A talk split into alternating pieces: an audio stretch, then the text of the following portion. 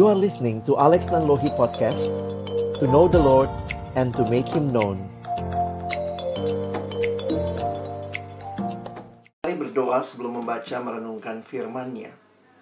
Tuhan kami bersyukur di dalam Engkau sajalah kami memperoleh segala-galanya. Sementara ketika kami mengejar apa yang dunia tawarkan, mungkin kami memperolehnya, tetapi tanpa Tuhan semuanya sia-sia. Hari ini kami kembali bersyukur buat kesempatan yang Tuhan berikan kami beribadah, datang memuji memuliakan namamu, dan tiba waktunya bagi kami untuk membuka firman-Mu ya Tuhan. Kami mohon biarlah waktu kami membuka firman-Mu, bukalah juga hati kami. Jadikanlah hati kami seperti tanah yang baik supaya ketika benih firman-Mu ditaburkan, itu boleh sungguh-sungguh berakar, bertumbuh, dan juga berbuah nyata di dalam hidup kami. Berkati hambamu yang menyampaikan dan semua kami yang mendengar. Berkati seluruh perangkat yang kami gunakan, jaringan yang kami pakai. Tuhan kiranya melalui semua ini boleh menyampaikan kebenaran firman-Mu dan juga kami boleh meresponinya di dalam hidup kami.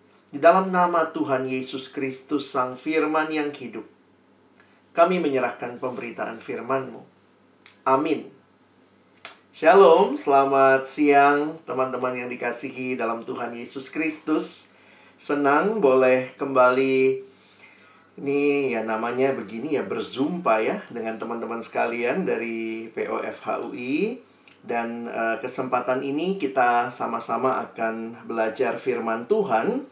Saya coba siapkan satu PowerPoint buat kita menghayati tema yang diberikan buat kita hari ini. Tema kita hari ini adalah entering new chapter with Jesus. Memasuki satu babak yang baru lagi di dalam hidup kita, di dalam uh, semester yang baru tentunya ya. Dan yang penting di sini adalah with Jesus. Nah, ini saya pikir yang sangat membedakan karena orang yang lain juga masuk kok, masuk semester yang baru. Orang yang lain juga mungkin masuk tahapan kehidupan yang baru, tetapi yang sangat membedakan adalah we are entering it with Jesus bersama dengan Kristus. Nah, baik teman-teman semua, saya ingin mulai juga dengan tanya kabar ya. Udah lama mungkin kalian tidak bersapa satu sama lain, bertemu. Tapi coba kalau ditanya begitu ya. Teman-teman, apa kabarmu hari ini? Ayo silahkan. Kalian pilih nomor mana yang paling menggambarkan dirimu ya. Nomor mana yang paling menggambarkan kondisimu saat ini. Abang nggak tanya dua minggu lalu, abang nggak tanya bulan depan yang hari ini deh, gitu ya. Ayo silahkan ya, tidak ada benar salah. Yang mana yang paling menggambarkan? Thank you. Wah macam-macam ya. Ada yang 15, ada yang 19 gitu ya. Ada yang 7, ada yang 5. Oke, sama dong kayak saya ya. Pengennya 5 gitu ya. Mager banget begitu. Oke. Thank you teman-teman. Silakan boleh share. Nah, mungkin nanti teman-teman ya bisa tanya juga sama temennya gitu ya. Eh, kenapa sih pilih nomor itu gitu ya? Kalau mungkin juga bisa saling mendukung, saling mendoakan. Baik, terima kasih buat yang sudah share. Nah, hari ini kita akan bicara tentang entering new chapter. Tentu banyak yang sudah berharap, khususnya mahasiswa yang belum pernah ke kampus belum pernah lihat kampusnya gitu ya. Wah, pengen banget nih udah berharap semester ini wis kita masuk kampus. Eh, PJJ lagi gitu ya. Omikron ini ya COVID bawa omnya ya. Si Omikron ikutan. Semoga tantenya nggak ikut ya. Kadang-kadang kita udah capek mungkin teman-temannya jadi dibawa bercanda aja dengan situasi. Tapi biarlah kita tetap waspada. Bagaimana menghayati hidup yang baru? bagaimana menghayati kehadiran Kristus dalam hidup kita. Saya pernah lama berpikir begitu ya, siapa sih Yesus ini? Apa yang dia bawa dalam hidup kita sampai-sampai perhatikan kehadirannya, kelahiran Yesus, kedatangannya ke dalam dunia bahkan membagi sejarah dunia menjadi dua bagian. Yang kita sebut sebelum Masehi dan sesudah Masehi atau yang kita sebut sebagai uh, tadinya uh, eh, BC ya, before Christ. Sekarang banyak yang nggak suka pakai kata Christ. Jadi before century. Lalu kemudian AD. AD itu dari bahasa Latin Anno Domini. Anno berarti annual, tahun. Domini adalah Tuhan. Jadi sebenarnya AD itu tahunnya Tuhan kita. Anno Domini. Nah, teman-teman waktu menghayati siapa Yesus ini yang kehadirannya dalam dunia bahkan membagi sejarah dunia menjadi dua bagian. Tetapi yang jauh lebih bagus lagi, yang lebih luar biasa lagi adalah kehadirannya dalam hidup setiap yang percaya. Ayat yang saya angkat hari ini, kita coba refleksikan saja ayat singkat ini. 2 Korintus 5 ayat 17. Jadi siapa yang ada di dalam Kristus, ia adalah ciptaan baru. Yang lama sudah berlalu, sesungguhnya yang baru sudah datang. Demikian tulisan Paulus kepada jemaat di Korintus ketika Paulus membicarakan dengan mereka apa yang mereka terima di dalam Kristus. Perhatikan, yang lama sudah berlalu, yang baru sudah datang. Kehadiran Kristus bukan hanya membelah dunia menjadi dua sejarah besar, tetapi bahkan membelah kehidupan orang yang percaya kepadanya yang sebelumnya dikatakan manusia lama, sekarang menjadi manusia baru. Jadi teman-teman saya harap kita mengerti bahwa entering new chapter is not something very special, but entering new chapter with Jesus that what uh, that what is special for us. Yang spesial buat kita adalah kehadiran Kristus yang pertama-tama membelah hidup kita menjadi dua bagian yang besar.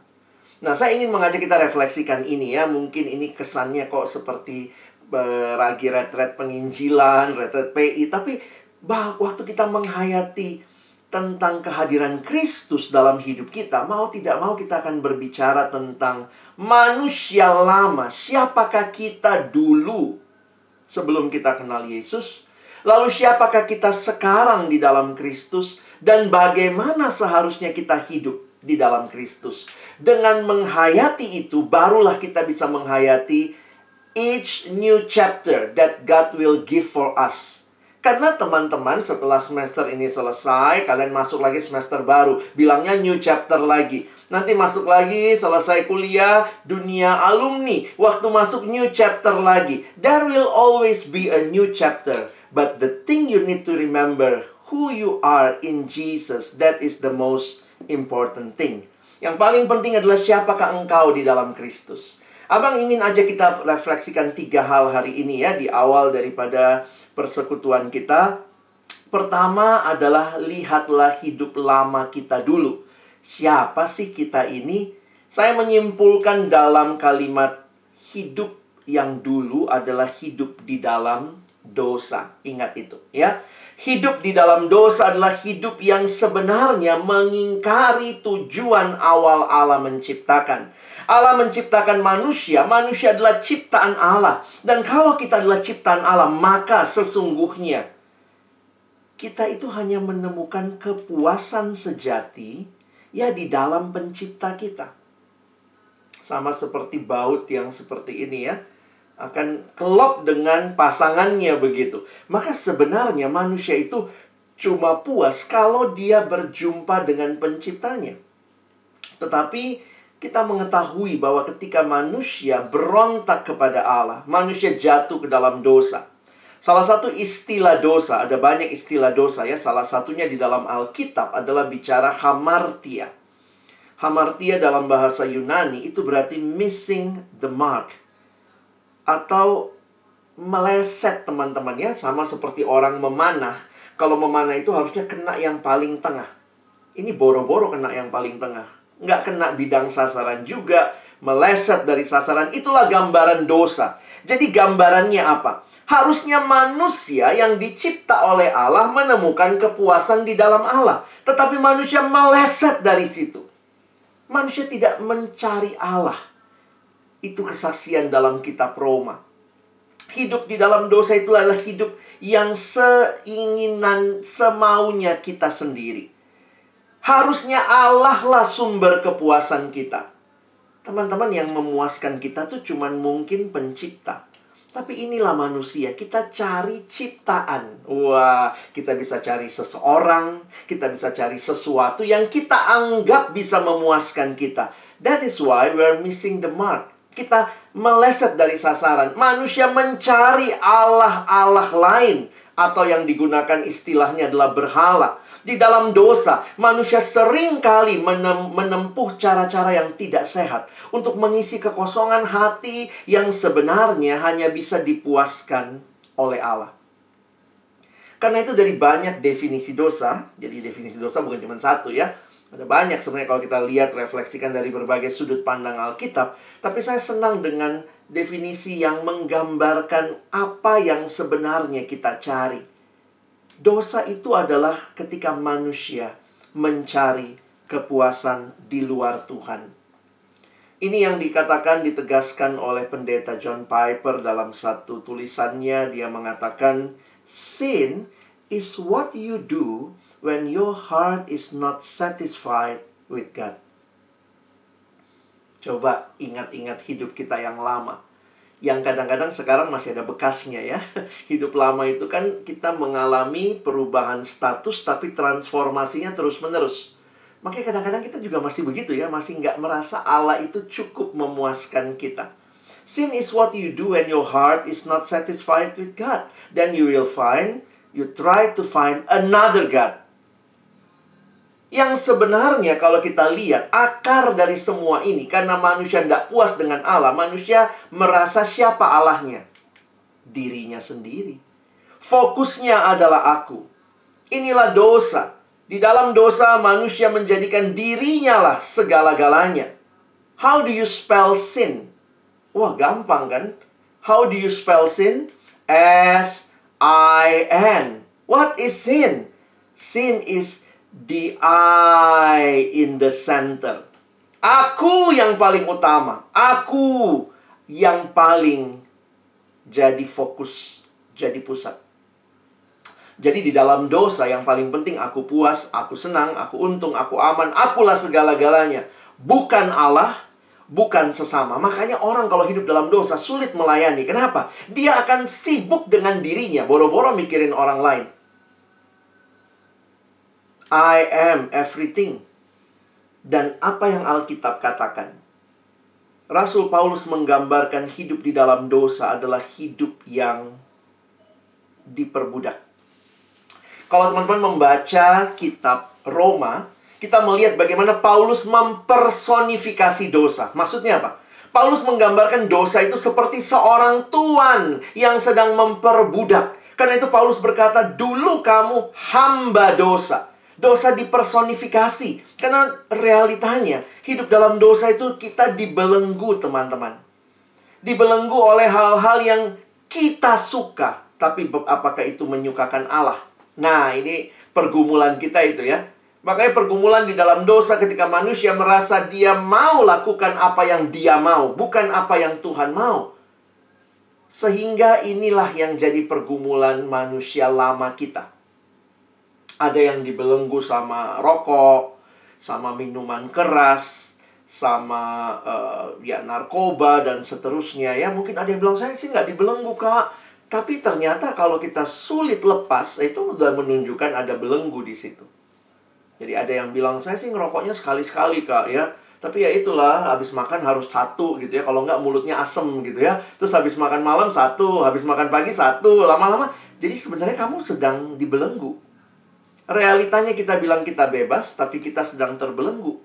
Dan ini hal-hal yang membelenggu kita, yang menyenangkan kita, tetapi apakah itu memuliakan Allah? Apakah itu meningkatkan kualitas hidup kita? Jadi ini kadang-kadang yang perlu kita hayati ya. Nah, masalahnya sekarang kalau kita lihat, hal-hal yang membelenggu kita belum tentu cuma hal yang buruk, teman-teman. Realitanya ada hal-hal yang sebenarnya baik, tetapi kita tidak pakai dengan benar. Sebenarnya kalau kita bicara alkohol, alkohol itu kan baik ya untuk bersihin luka, Bahkan untuk orang-orang yang mungkin sulit pencernaan disuruh kayak Paulus bilang sama Timotius, tambahkan sedikit anggur karena pencernaanmu sering terganggu. Tapi kita nggak pakai dengan sedikit gitu ya. Kita pakainya banyak, makanya jadi mabok begitu ya. Nah, realitanya hal-hal yang baik, tapi ketika tidak dipakai dengan baik, tidak dipakai dengan benar. Hal baik tapi dijadikan utama. Nah, itu pun membelenggu teman-teman. Saya bicara begini karena tadi ya kita bicara Christ is enough for us. Realitanya sering kali pergumulan kita yang sudah kenal Yesus, pergumulannya adalah dengan hal-hal yang baik. Apa yang baik contohnya? Nih abang kasih contoh ya. HP baik nggak? Oh baik. Ya kita sekarang semua pakai HP ya. Mau kuliah kah, mau ibadah gitu. Tapi ketika kita dibelenggu misalnya oleh HP dalam arti apa? Ya, di HP banyak yang jatuh dalam dosa juga dengan HP-nya. Katanya ini smartphone, tapi kita nggak smart makainya. Dan ini realitanya. Kadang-kadang kalau ketinggalan HP sampai pulang gitu ya. Balik tuh. Kalau ketinggalan Alkitab nggak apa-apa, asal nggak ketinggalan HP ya, karena ada HP di ada Alkitab di HP gitu ya. Jadi banyak orang yang smartphone tapi nggak smart. Hal-hal yang baik sebenarnya tapi bisa jadi membelenggu. Ya karena apa yang ada di dalam HP kita. Contoh lagi yang baik, apa lagi yang baik? Ini misalnya ya, belanja itu baik dong. Siapa yang nggak butuh belanja? Tapi kalau kita belanja berlebihan, kita jadi konsumerisme, jadi bukan salah belanjanya, tapi salah di kitanya yang tidak dengan baik menggunakan apa yang menjadi kesempatan apalagi sekarang gampang sekali e-commerce gitu ya kalian tinggal buka HP pencet sana sini kadang-kadang apalagi bisa uh, sekarang bisa pay later gitu ya jadi barangnya datang duluan, nanti pay-nya later begitu. Nah, ini realita yang ditawarkan dunia dengan yang sebenarnya dunia itu sedang melihat apa yang manusia pengen. Pokoknya dia pengen barang, pokoknya udah soal dia diikat utang belakangan gitu ya. Saya punya teman kena pinjol gitu. Waduh, teman-teman. Ngeri ya. Kenapa saya tanya? Ya karena pengen punya barang, nggak bisa bayar, pinjol. Saya bilang, gimana? Berapa utangmu ya sama pinjol ini satu juta? Sama pinjol sana sejuta juga. Jadi sebenarnya pinjol itu kan dikit-dikit ya. Sejuta, sejuta, sejuta. Tapi dia pakai 30 pinjol. Jadi sama, 30 juta teman-teman. Aduh, bingung mesti bayarnya dan bunganya luar biasa gila. Kenapa? Karena manusia mau yang menyenangkan dia. Lupa bahwa sering kali mungkin uangnya dipakai persembahan harusnya ya dipakai untuk mendukung nyekolahin orang yang nggak sekolah. Coba lihat-lihat lagi duitmu kalau kamu punya uang sekarang walaupun masih mahasiswa ya. Satu bulan itu berapa banyak untuk dirimu, berapa banyak untuk orang di sekitarmu. Wah kak, saya duitnya masih sedikit. Kalau sedikit aja kamu nggak ngasih, jangan harap kalau uangmu banyak kamu ngasih. Kamu jadi lawyer terkenal nanti hidupmu untuk dirimu sendiri. Belajar dari sekarang. Beri persembahan kalau kalian terbiasa ada yang memberi perpuluhan, silahkan.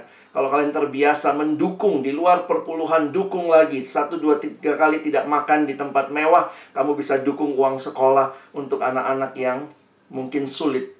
Kadang-kadang orang hidup untuk dirinya sendiri. Ini manusia lama. Manusia lama yang selalu fokusnya aku, aku, aku. Ini juga hal baik ya. Saya suka juga ya drakor ya. Drakor baik dong, tapi begitu jadi utama, waduh, akhirnya jadi segala-galanya. Nah, ini teman-teman ada yang nanya sama saya. Jadi menurut Bang Alex gimana cara membedakan kita udah dibelenggu atau tidak? Sebenarnya sederhana. Kalau kamu sudah tidak bisa melihat apa hal yang utama, ketika kamu terjebak sesuatu bahkan yang baik, nah itu jadi masalah. Misalnya, kamu tuh mahasiswa, berarti tugas utamanya tuh belajar, bikin paper, baca jurnal gitu ya. Maka sambilannya nonton drakor. Kira-kira begitu ya. Tapi kalau kamu jadi mahasiswa, tapi utamanya nonton drakor, belajarnya yang jadi sambilan, nah you miss the point. Ini yang saya bilang hal yang baik, tapi tidak dipakai dengan tepat. Saya tidak bilang kita nggak boleh ya nonton drakor ya, tapi saya hanya ingatkan ya, banyak kok film-film yang bagus gitu ya, yang film-film lama lagi. Kalau anak anak hukum tuh apa lo school lah, apalah. Alasannya itu semua kan untuk belajar juga tentang hukum yes gitu ya. Nah, ada macam-macam lah ya. Ini yang dulu-dulu gitu ya. Yang anak remaja, anak muda, sampai yang kena kasus begitu ya. Kim Sun Ho gitu ya. Lalu kemudian yang Squid Game lah gitu. Ini kan karena melanda dunia. Kadang-kadang kita juga FOMO ya. Kita takut juga nanti orang pada nonton, kita nggak nonton. Rasanya kayaknya berdosa banget kalau nggak nonton Squid Game. Semua nonton, cuma 9 seri. Kalau saya nggak nonton, kayaknya saya kuper banget gitu. Ya nggak juga teman-teman ya. Belum lagi ya itu. Saya juga ketemu dengan teman-teman yang terjebak. Dalam arti saya katakan terjebak karena akhirnya hidupnya cuma seputar ya Korea-Korea aja. Bukannya salah, silahkan apa yang indah, apa yang baik, kata firman Tuhan. Tapi jangan dijadikan utama. Hal baik, jadikan tetap hal yang baik. Sehingga kamu tidak terjebak mengutamakan. Karena kamu sedang punya tanggung jawab yang lain. Mungkin yang cowok-cowok ngomong, ya ampun, drakor-drakor. Aku sih enggak, bang. Ya mungkin kamu ini. Ya, game online ya sampai akhirnya ya game jadi apa semuanya di situ begitu ya. Satu sisi nggak salah dong main game ya. Tapi kalau jadinya game utama kuliah yang sambilan wah bahaya juga. Ini habis libur gini susah loh bangun semangat. Bener nggak teman-teman? Libur kan aduh kayaknya bangun aja susah. Jadi new chapter uh new chapter please deh gitu ya race dulu dari tempat tidur lebih pagi gitu ya sehingga punya waktu saat teduh punya waktu berdoa. Ada yang bilang sama saya iya bang liburan ini kerjanya apa? Habisin anim gitu ya. Hmm asik gitu ya. Belum lagi yang juga terjebak. Memang kalau baru masuk kampus itu kayaknya banyak dosa dituding ya. Karena baru selesai liburan. Kayaknya waktu liburan ini liburan penuh dosa nih mungkin ya kalau kita tidak hati-hati ya Nah, belum lagi ini hal-hal seperti ini ya, pornografi yang kita akses dari HP kita, ya namanya smartphone tapi ya kita pakai juga untuk memuaskan keinginan kita. Belum lagi hal-hal yang kita tahu tidak benar yang ada di sekitar kita dan kayaknya makin biasa gitu. Ini hidup lama, hidup dalam dosa, hidup yang free rasanya. Pokoknya saya suka, saya senang, saya mau. Pendeta John Stott mengingatkan hati-hati dengan dosa. Satu ilustrasi yang dia katakan itu begini ya, kalau di di padang gurun, padang pasir ya. Dia bilang kalau di padang pasir itu malamnya tuh dingin sekali, siangnya panas terik. Nah, itu biasanya pengalaman di padang gurun ya kalau kalian pernah ke gurun pasir gitu ya. Maka dia bilang misalnya nih ya kalau ada ada orang yang yang bersama-sama uh, sedang traveling di situ. Nah, biasanya kalau sampai pas malam maka dia pasti bikin tenda ya. Nah, kalau dia bikin tenda lalu kemudian uh, ada unta. Nah, unta itu biasanya gitu kan, mungkin karena dalam tenda hangat ya. Jadi kadang-kadang kalau kita lagi tidur katanya unta itu suka nyelipin kepalanya masuk ke dalam tenda. Nah, ini tipsnya harus langsung disuruh keluar. Jangan dibiarin gitu. Aduh kacian di luar dingin ya. Ayo sini deh bobok sama saya. Nah, hati-hati ketika kepalanya masuk tidak diusir, nanti lama-lama masuk lehernya, lama-lama masuk kaki depannya, lama-lama masuk punuknya, lama-lama masuk sampai seluruh untanya masuk. Orang Arabnya di luar tenda gitu ya. Nah, ini realita yang mau diingatkan kepada kita oleh pendeta John Stott dosa itu menyusup perlahan-lahan. Kita memberontak kepada Allah secara sadar dan perlahan. Terjadinya memang pelan-pelan sehingga kita tidak mengenali dampaknya yang menghancurkan. Apa yang terjadi? Kita kehilangan rasa hormat terhadap diri sendiri. Kita kehilangan kemampuan untuk berpikir sehat, kemampuan untuk berkata jujur, kemampuan untuk memberi. Ya, tadi sibuk sama dirinya, boro-boro melayani, boro-boro memberi. Kemampuan untuk mengasihi, kita kehilangan kemampuan untuk hidup kudus. Siapa sih yang nggak bisa berpikir sehat? Rokok itu merusak kesehatan. Tapi ya itu, dosa itu membuat kita kehilangan kemampuan berpikir sehat. Kadang-kadang saya pikir jangan sampai kita mempermainkan Tuhan ya. Doanya gitu, Tuhan berikan saya kesehatan, tapi rokok jalan terus. Coba kamu yang jadi Tuhan. Gimana nolongnya? Maunya tetap menikmati, tetapi tetap sehat. Itu gimana caranya? Nah, kadang-kadang kita harus berpikir bahwa Tuhan kasih kita hikmat, pikiran untuk boleh meresponi kehendaknya. Tidak heran Alkitab berkata upah dosa adalah maut. Roma 6 ayat 23a. Di titik inilah teman-temanku kita bisa lihat kalau terus-menerus dalam dosa there is no new chapter. But because of Jesus then we can have a new life, a new chapter. Manusia nggak bisa selamatkan dirinya sendiri. Kalian lihat gambar di sebelah kiri. Dulu pertama kali saya bingung, ini gambar apa gitu ya. Terus waktu abang pergi ke gereja, satu gereja, terus kemudian ini gambar ditampilkan. Dan ternyata ini judulnya, kalau kalian googling, ini judulnya Peter Drowning. Petrus tenggelam. Jadi ini adalah sudut pandang Petrus. Petrus lagi tenggelam ke bawah air, ke dalam air. Lalu Petrus memandang ke atas dan dia lihat di atas ada Yesus yang sedang mengulurkan tangan dari luar air. Nah, coba lihat baik-baik. Jadi itu sebenarnya Yesusnya yang di luar air ya. Jangan kalian bikin, oh ini Yesus tenggelam ya. Salah. Ini Yesus dari luar air sedang mengulurkan tangan kepada Petrus yang tenggelam. Ini menunjukkan bahwa manusia tidak bisa menyelamatkan dirinya sendiri. We will never have a new chapter if we keep on sinning. Kalau kita tetap hidup dalam dosa, nggak ada new chapter, teman-teman. Tetapi kenapa ada new chapter? Why we can have a new life? Karena Allah yang datang menyelamatkan kita. Di dalam putranya, Yesus Kristus. Dosa itu masalah kita. Sin is our problem, but the solution is from God. Jesus Christ, the God solution for our sin. So searching answer to life, Jesus, you have found him. Cari di mana nih keyboard S-nya dua begini ya. ini demi kepentingan ilustrasi gitu ya. Nah, teman-teman yang dikasihi Tuhan, di sinilah, di titik inilah saudara dan saya melihat kehadiran Yesus. Ya, ingat yang pertama tadi apa? Hidup dalam dosa. Tapi yang kedua, perhatikan. Kristus memberi hidupnya untuk menyelesaikan pergumulan dosa saudara dan saya, karyanya di kayu salib, karya yang menegaskan begitu besar kasih Allah akan dunia ini. Kenapa Tuhan mengasihi kita?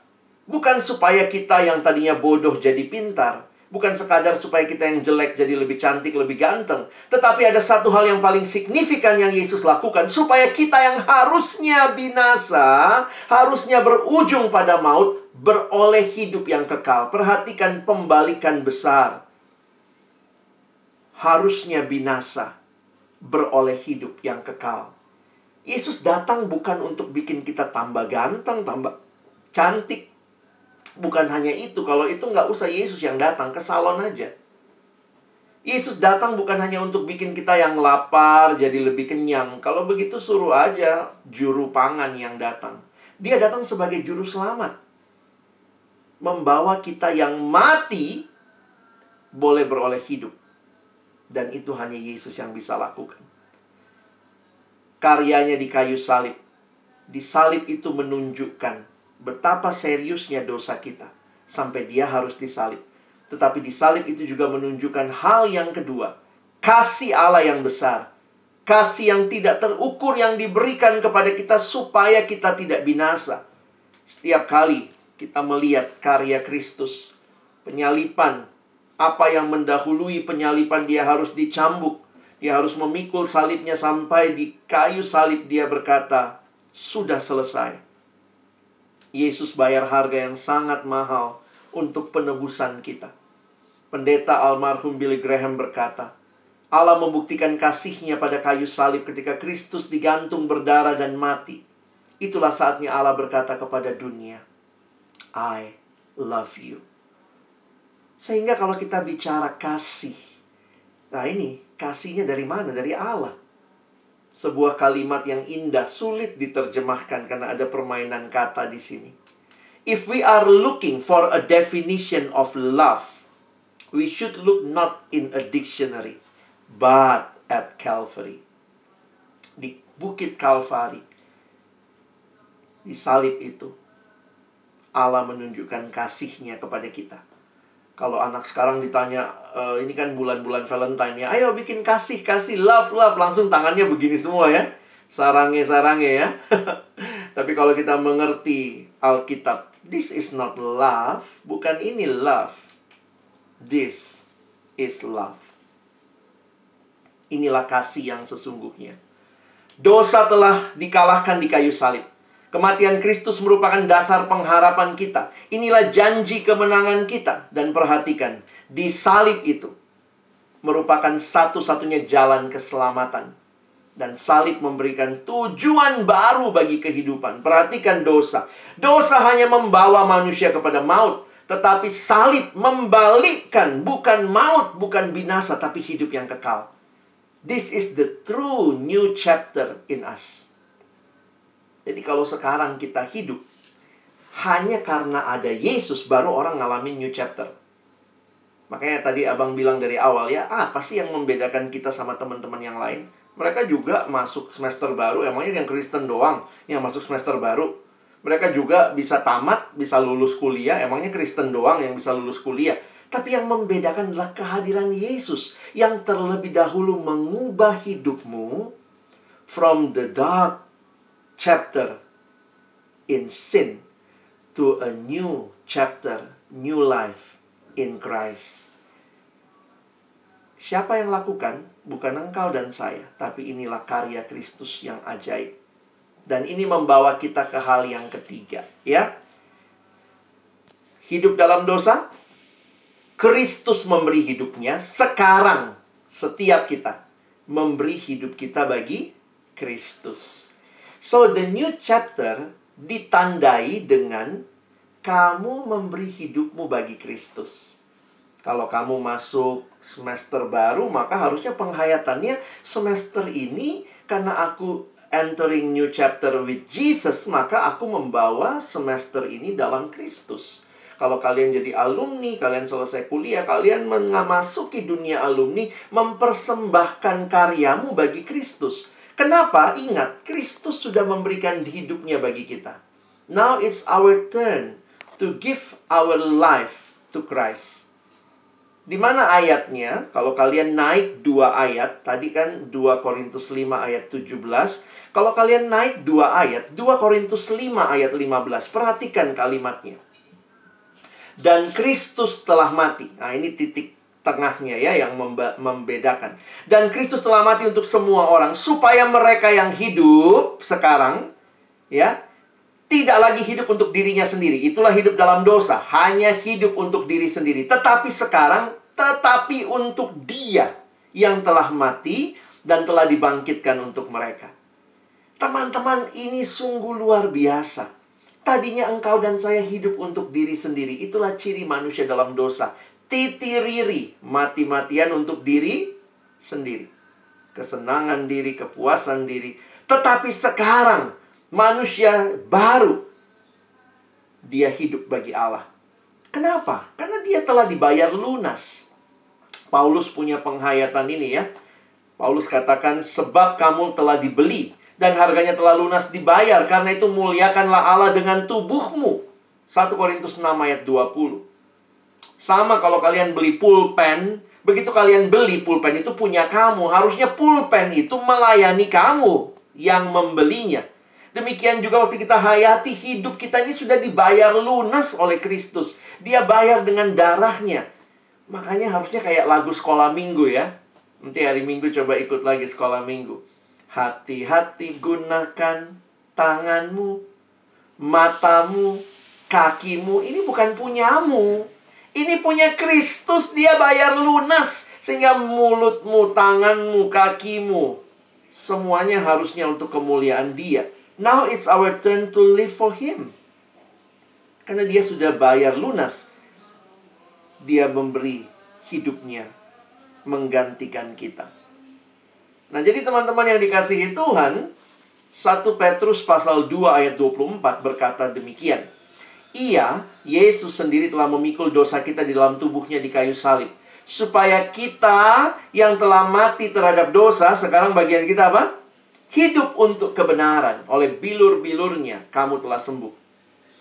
Kristus mati agar kita hidup untuk kebenaran. Jadi teman-teman yang dikasihi Tuhan, apa sebenarnya yang harusnya kita lakukan memasuki each new chapter? Apa pun itu, ingat lagi apa yang Yesus sudah berikan bagimu. Sekarang it's your turn to live for Him. Kamu masuk mata kuliah yang baru, berikan bagi Kristus.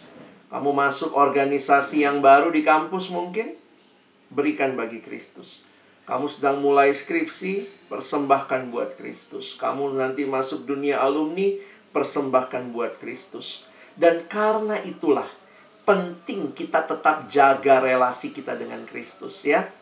Bagaimana kita bisa menghayati new chapter in with Jesus ya, punya relasi dengan Kristus.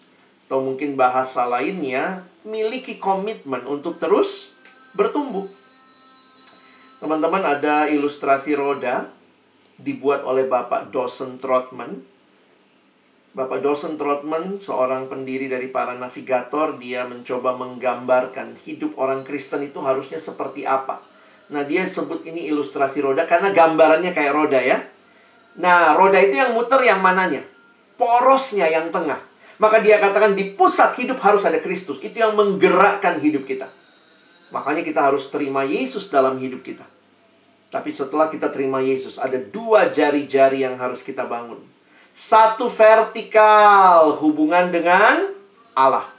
Yang kedua yang horizontal, hubungan dengan sesama. Ini yang kita suka sebut HPDT, hubungan pribadi dengan Tuhan, itu yang vertikal. Tapi bukan cuma itu, ada HPDS, hubungan pribadi dengan sesama. Dengan Tuhan, kita bicara sama Tuhan namanya doa. Tuhan bicara sama kita lewat firman. Makanya bagaimana bertumbuh adik-adik dari sekolah minggu udah tahu. Baca kitab suci. Doa tiap hari kalau mau tumbuh. Saya pikir itu bukan baru di kampus kalian tahu kan? Tapi di kampus diingatkan lagi. Jangan-jangan lagu kita bisa ganti sekarang nih. Tidak baca kitab suci, tidak doa tiap hari, tidak ber tumbuh. Kalau kayak begitu, maka setiap new chapter yang kamu masuki, kamu nggak akan menikmati kesegaran. Dan bukan hanya relasi dengan Tuhan, tapi juga relasi dengan sesama. Dia bagi dua. Sesama orang percaya ke dalam kita harus rajin bersekutu. Makanya kita ikut PJ, kita ikut kelompok kecil, kita punya persekutuan. Tapi juga keluar kepada mereka yang belum percaya. Kita melayani, kita bersaksi. Jadi inilah lingkaran kehidupan orang percaya. Kalau teman-teman menikmati, harusnya kita pun juga terus berelasi dengan Tuhan. Dan penting ya, bersyukur untuk persekutuan di kampus kita. Ada POFHUI. Saya kutip kalimat Eugene Peterson ya, dia bilang begini, kita adalah sebuah komunitas. Kita tidak pernah hidup sendiri dan bagi diri sendiri. Kita dilahirkan dalam komunitas, kita tinggal dalam komunitas, kita meninggal dalam komunitas. Natur manusia bukanlah hidup menyendiri. Kan itu teman-teman jangan menjauhkan diri dari persekutuan. Ini bukan promo POFH ya. Tapi ini juga membuat kalian menyadari betapa pentingnya punya komunitas.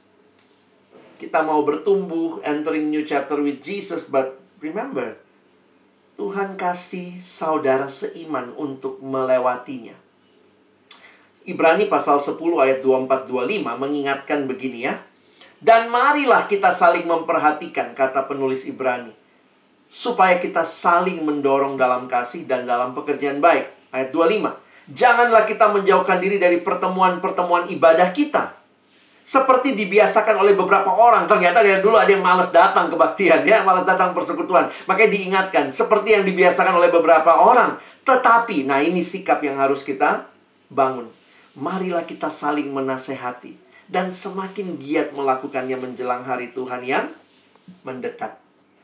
Jadi teman-teman, hari ini kita udah belajar ya. Coba abang simpulkan. Pertama, kalau kita bicara new chapter, ingat your old chapter, hidup dalam dosa, betapa menyedihkan, betapa mengerikan, tapi bersyukur. Kristus memberi hidupnya. So now it's your turn, it's my turn to live for him. Buat hidup bagi Kristus. Nah, bagaimana respon kita? Kalian kan generasi GPS ya, apa-apa pakai GPS. Kalau GPS mati nyasar semua kita ya. Nah, teman-teman mesti ingat ya. Kalau kita generasi GPS, maka pastikan di mana posisimu. Apakah kamu di dalam dosa? atau kamu di dalam Kristus. Kalau kalian belum pernah sungguh-sungguh buka hati, terima Yesus dalam hidupmu, maka lakukan itu. Biarlah kamu berkata, "Tuhan, saya tidak mau lagi hidup dalam manusia yang lama. Saya mau hidup dalam hidup yang baru." Apa artinya terima Yesus? Mungkin kamu bilang, "Saya dari kecil Kristen kok, Bang." Ngapain disuruh terima Yesus? Terima Yesus itu saya renungkan ada dua aspek ya adalah sungguh-sungguh percaya bahwa Yesus satu-satunya Tuhan dan Juru Selamatmu secara pribadi. Percaya yang bukan mendua hati ya. Bukan percaya Yesus, percaya zodiak, percaya Yesus, percaya feng shui, percaya Yesus tapi masih kedukun. Itu bukan percaya Yesus. Itu mempermainkan Yesus. Banyak anak remaja, anak pemuda sekarang gitu ya, senangnya baca ramalan, terus apa-apa kartu tarot begitu saya pikir sedih banget ya if you really believe in Jesus then he is the one and only in your life he should be your focus and you can say Christ is enough for me not Christ is not enough that's why I need kartu tarot that's why I need another things no percaya itu seperti ini ya seperti anak kecil yang menyerahkan seluruh hidupnya kepada bapaknya yang memelihara dia jadi kalau kamu belum pernah sungguh-sungguh terima Yesus, buka hatimu terima dia. Bilang kepada Tuhan, Tuhan saya mau percaya, tidak lagi percaya sama yang lain. Saya hanya mau percaya Tuhan Yesus. Terima Yesus juga berarti ada perubahan teman-teman. Ada pertobatan. Kalau Paulus menggunakan istilah ada hal-hal yang harus ditanggalkan. Paulus kayak pakai istilah pakai baju ya. Hal yang ditanggalkan tapi pada saat yang sama, pertobatan bicara ada yang dikenakan. Apa yang ditanggalkan, tanggalkan hidup lama. Apa yang dikenakan, kenakan manusia baru. Dan inilah yang pemazmur bilang ya, Daud menulis, Dosaku kuberitahukan kepadamu, dan kesalahanku tidaklah kusembunyikan.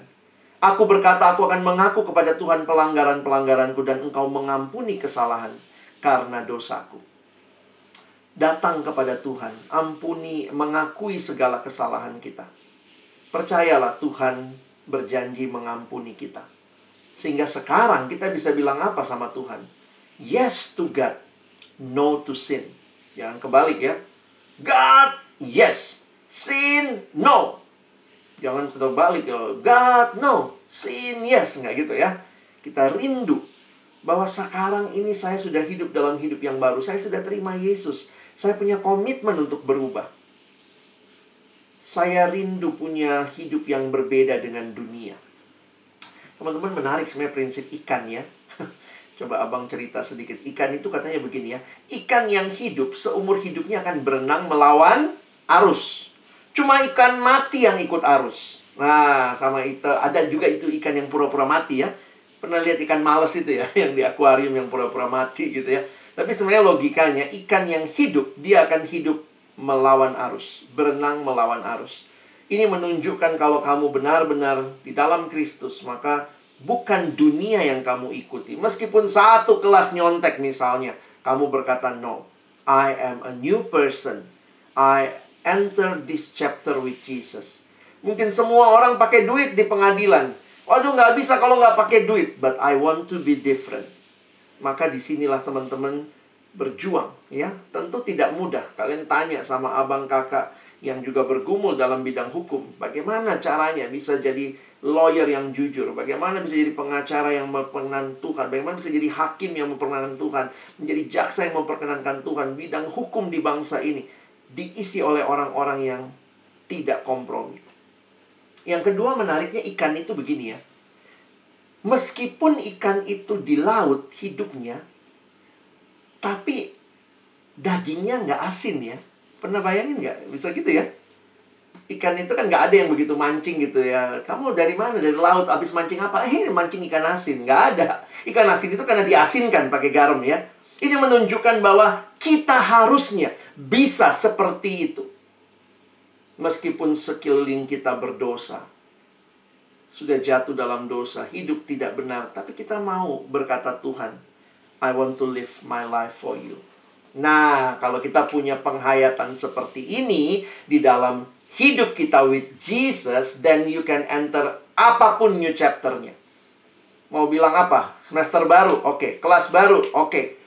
Kamu masuk uh, dunia alumni, oke. Okay. Kamu masuk mungkin pelayanan baru di gereja, oke. Okay. Semua you can enter new chapter because you have Jesus who already change your life. Maka cara belajarmu beda. Bukan belajar cuma supaya dapat nilai, tapi belajar supaya kamu bisa memahami, kamu bisa berkarya bagi Tuhan dan sesama. Cara bergaulmu beda.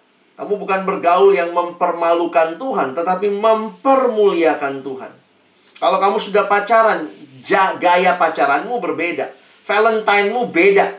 Bukan grepek-grepek. Tapi benar-benar cinta yang tulus di dalam Tuhan. Ya, kalimat ini menarik. True love waits. Ada kalimat kecil di bawahnya ya. Save it until marriage. Kalau betul Yesus segalanya buat kita, maka there will always be a new person entering new chapter ya. Karena yang penting bukan new chapternya, tapi are you a new person in Jesus? Sehingga kamu bisa memasuki semuanya bersama dengan Yesus. Kiranya Tuhan menolong adik-adikku memasuki semester yang baru ini dengan satu keyakinan kamu juga sudah jadi manusia baru di dalam Kristus. Mari berdoa.